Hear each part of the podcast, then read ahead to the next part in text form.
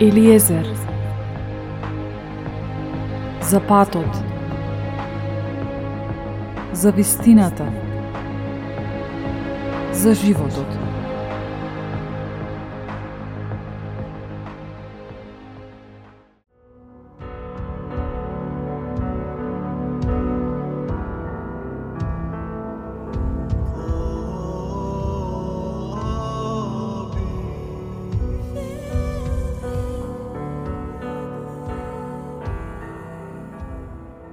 Едно од неизбежните прашања што секој од нас си го поставува е кој сум јас? Дали се разбирам себе си? Ако не се разбирам себе си, како ќе ги разберам другите? Нејаснотиите придонесуваат за поставување на ограничувања. Ние си поставуваме ограничувања за тоа кои сме и што можеме да постигнеме. Како да се разбирам себе си? Како да го направам тоа? Имам ли некаква помош од некого?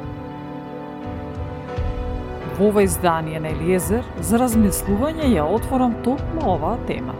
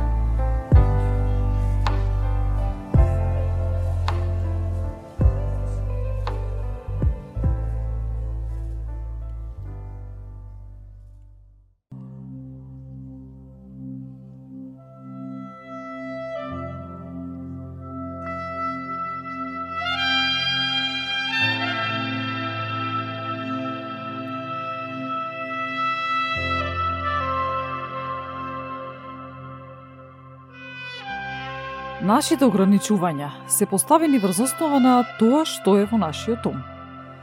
Деловите од нашето битие, кои не се обновени, или пак нашите карактерни црти, може да бидат пречка и да ги блокираат благословите од Небесниот Татко. Штом добиеме откровение дека светот, нештата во животот, обкружувањето и злото влијаеле на нашите перцепции, на тоа како ги перципираме нештата, тогаш сваќаме дека сме биле ограбени од вистината и од благословите.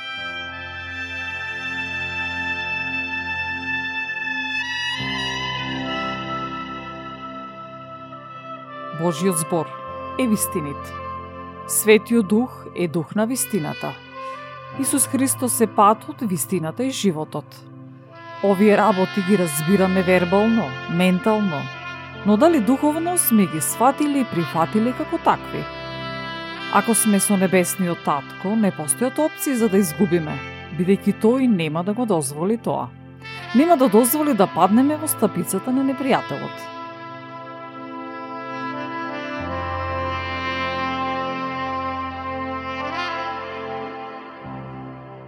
Без вистината, не постои напредок и успех. Изборот е наш. Дали ќе избереме вистината или лагата, односно илузијата. Бог ќе не остави да избереме. Кога свесно избираме да бидеме измамени и да живееме во лага, тој нема да се спротистави на тоа, бидејќи го почитува нашиот избор. Ке ни укаже, ке не опомени, но сепак, изборот е наш. Следниве зборови се негови зборови. Зашто оваа заповед што денес ти ја давам не е тешка за тебе, ниту далеко од тебе. Таа не е ни на небото, за да може да се каже кој од нас би се воздигнал на небото и би ни ја земал и донел да ја чуеме, та да ја исполниме. Ниту е преку море, за да може да се каже кој од нас би отишол преку море и би ни ја земал и дал да ја чуеме, та да ја исполниме. Нова заповед е многу блиска до тебе. Таа е во устата твоја и во срцето твое, за да ја исполнуваш. Ете, јас денес ти предложив живот и добро, смрт и зло. Ако ги слушаш заповедите на Господ, твојот Бог, што денес ти ги давам, да го сакаш Господ, твојот Бог, да одиш по сите патишта Негови и да ги завршуваш заповедите и законите Негови. Тогаш ќе живееш и ќе се намножиш. И Господ, твојот Бог, ќе те благослови во земјата во која одиш, да ја наследиш. Ако пак се одврати срцето твое и не послушаш, и се заблудиш, па почнеш да им се клањаш на други богови и да им служиш, тогаш ви јавувам денес, дека ќе загинете и нема долго да останете на земјата која Господ Бог ти ја дава. Ви сведочам денес со небот и со земјата, живот и смрт ти предложив јас, благослов и проклетство – Избери го животот, за да живееш ти и потомството твое, да го сакаш Господ твојот Бог, да го слушаш гласот Негов и да се приврзеш кон Него. Зашто тој е твојот живот. Така ти ќе живееш на земјата за која Господ Бог им се беше заколнал на твоите предци, дека ќе им ја даде.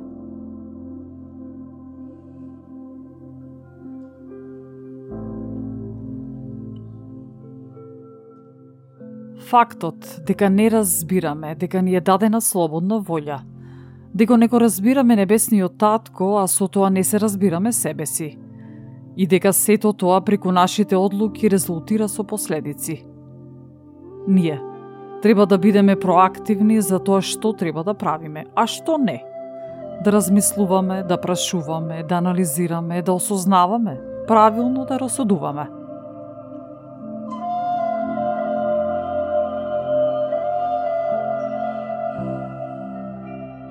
Светиот Дух е утешителот, нашиот личен тренер. Тој ќе не опомени, ќе не предупреди, ќе ни укаже, ќе не насочи, ќе не советува, ќе не подсети. Секој од нас го слуша Божиот глас и знае што е погрешно, а што е исправно. Исус Христос во Јован 14 глава укажува – а јас ќе побарам од небесниот татко и тој ќе ви даде друг помошник, кој ќе остане со вас за секогаш. Тој е духот, кој ќе ви ја открива вистината. Световните луѓе не се во состојба да го примат него, затоа што не го гледа ниту го познава. Вие го познавате Светиот Дух, зашто тој е со вас и ќе продолжи да живее во вас. Така што, Ако сме желни и послушни, тогаш ќе го добиеме најдоброто, како што говори небесниот татко во Исаија првата глава. Тогаш дојдете и ќе се пресуди, вели Господ. Гревовите ваши да се и како бакам, како снег ќе ги побелам, да бидат црвени и како пурпур, како волна ќе станат бели. Ако го барате и послушате, ќе ги јадете добрата земни.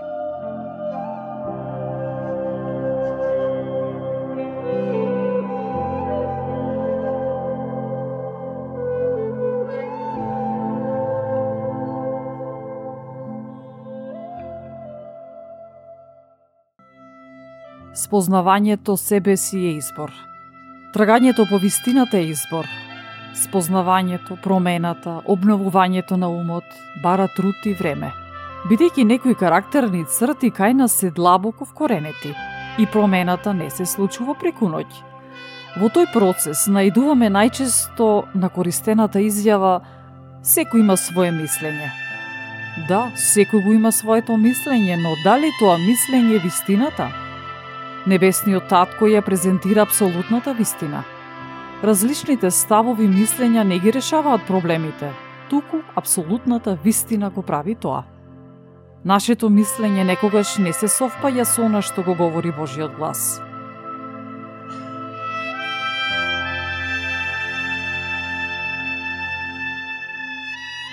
Дали дозволуваме гласовите од светот, гласовите од злото да ги менуваат нашите перцепции за нас и за другите? Потребно е да му дозволиме на Светиот Дух да не учи за да растеме духовно и да не бидеме под влијание на погрешното. Еден од најчестите примери што ги користам е примерот со музиката што ја слушаме. Музиката сама по себе не е штетна. Намената на музиката е да не опушта, да не развесели, да не биде пријатно. Што ме така, во што е проблемот? Доколку авторот на музиката или на содржината на текстот е под влијание на злото, тогаш таа музика не поттикнува Божјо присуство, токму напротив, демонско. Континуираното слушање го полни нашиот ум со погрешни информации и ние наместо да се менуваме позитивно, несвесно одиме во погрешниот правец.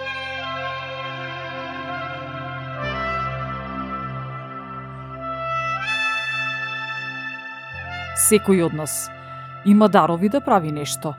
И на авторот на музиката или на текстот му е даден дар од небесниот татко да создава небесна музика – Но доколку авторот избрал тој дар да го користи за креирање погрешна музика, тогаш слушателите што би слушале? Но, и ние како слушатели имаме избор што ќе слушаме или како гледачи што ќе гледаме. Доколку избереме да го слушаме, тогаш сме под погрешно влијание и несвесно се приврзуваме за погрешното.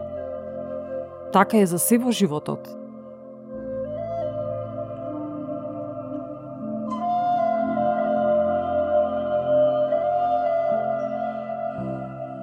Постојано треба да анализираме и да ја проверуваме нашата состојба, докаде сме стигнале со нашето лично усовршување, нашиот личен развој, што сме промениле и што треба да промениме. Познатиот стих Зошто ја гледаш раската во окото на твојот брат, а не ја забележуваш гредата во твоето око? Е најдобро пременлива, нели? На таков начин се понизуваме и бараме помош од небесниот татко, во која било област на нашето постоење. Некогаш нашето инаетење, нашата бунтовност, нашата игнорантност не втурнуваат уште повеќе во тешкотијата.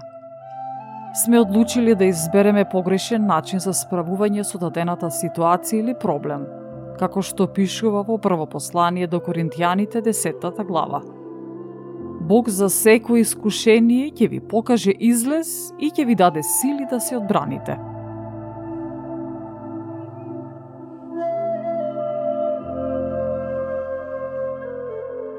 Моментот на реализирање дека потребно е да се менуваме е суштински.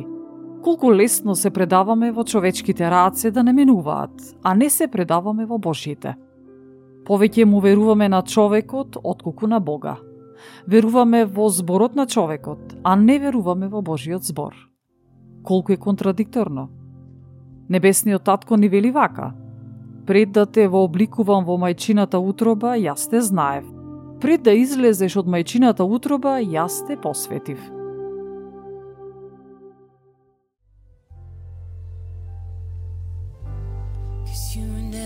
change, you stay the same yesterday, today, and forever. You're a healer. You're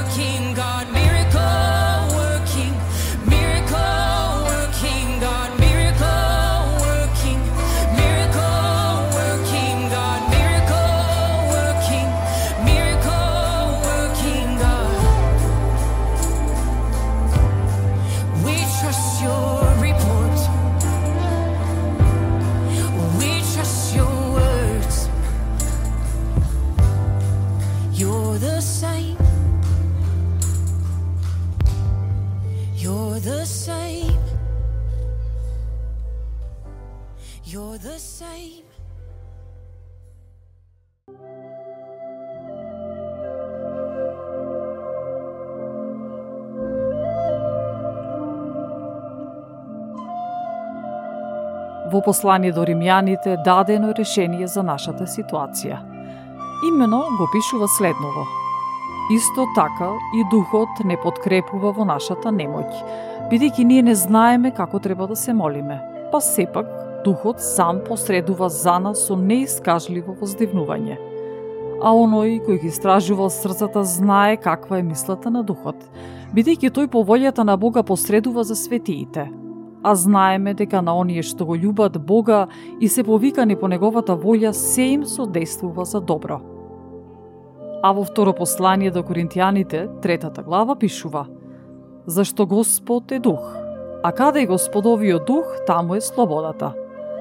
А ние сите, со откриено лице, ја одразуваме Господовата слава и се преобразуваме во ист лик, од слава во слава, како што го прави тоа Господовиот дух.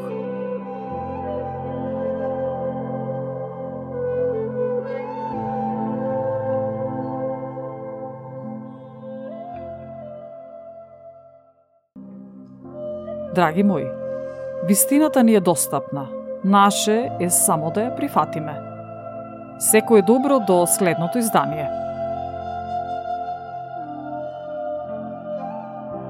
Ја следете емисијата Елиезер со Елена Ѓурѓевска Костадиновиќ под покровителство на и во соработка со Господ Исус Христос и Светиот Дух.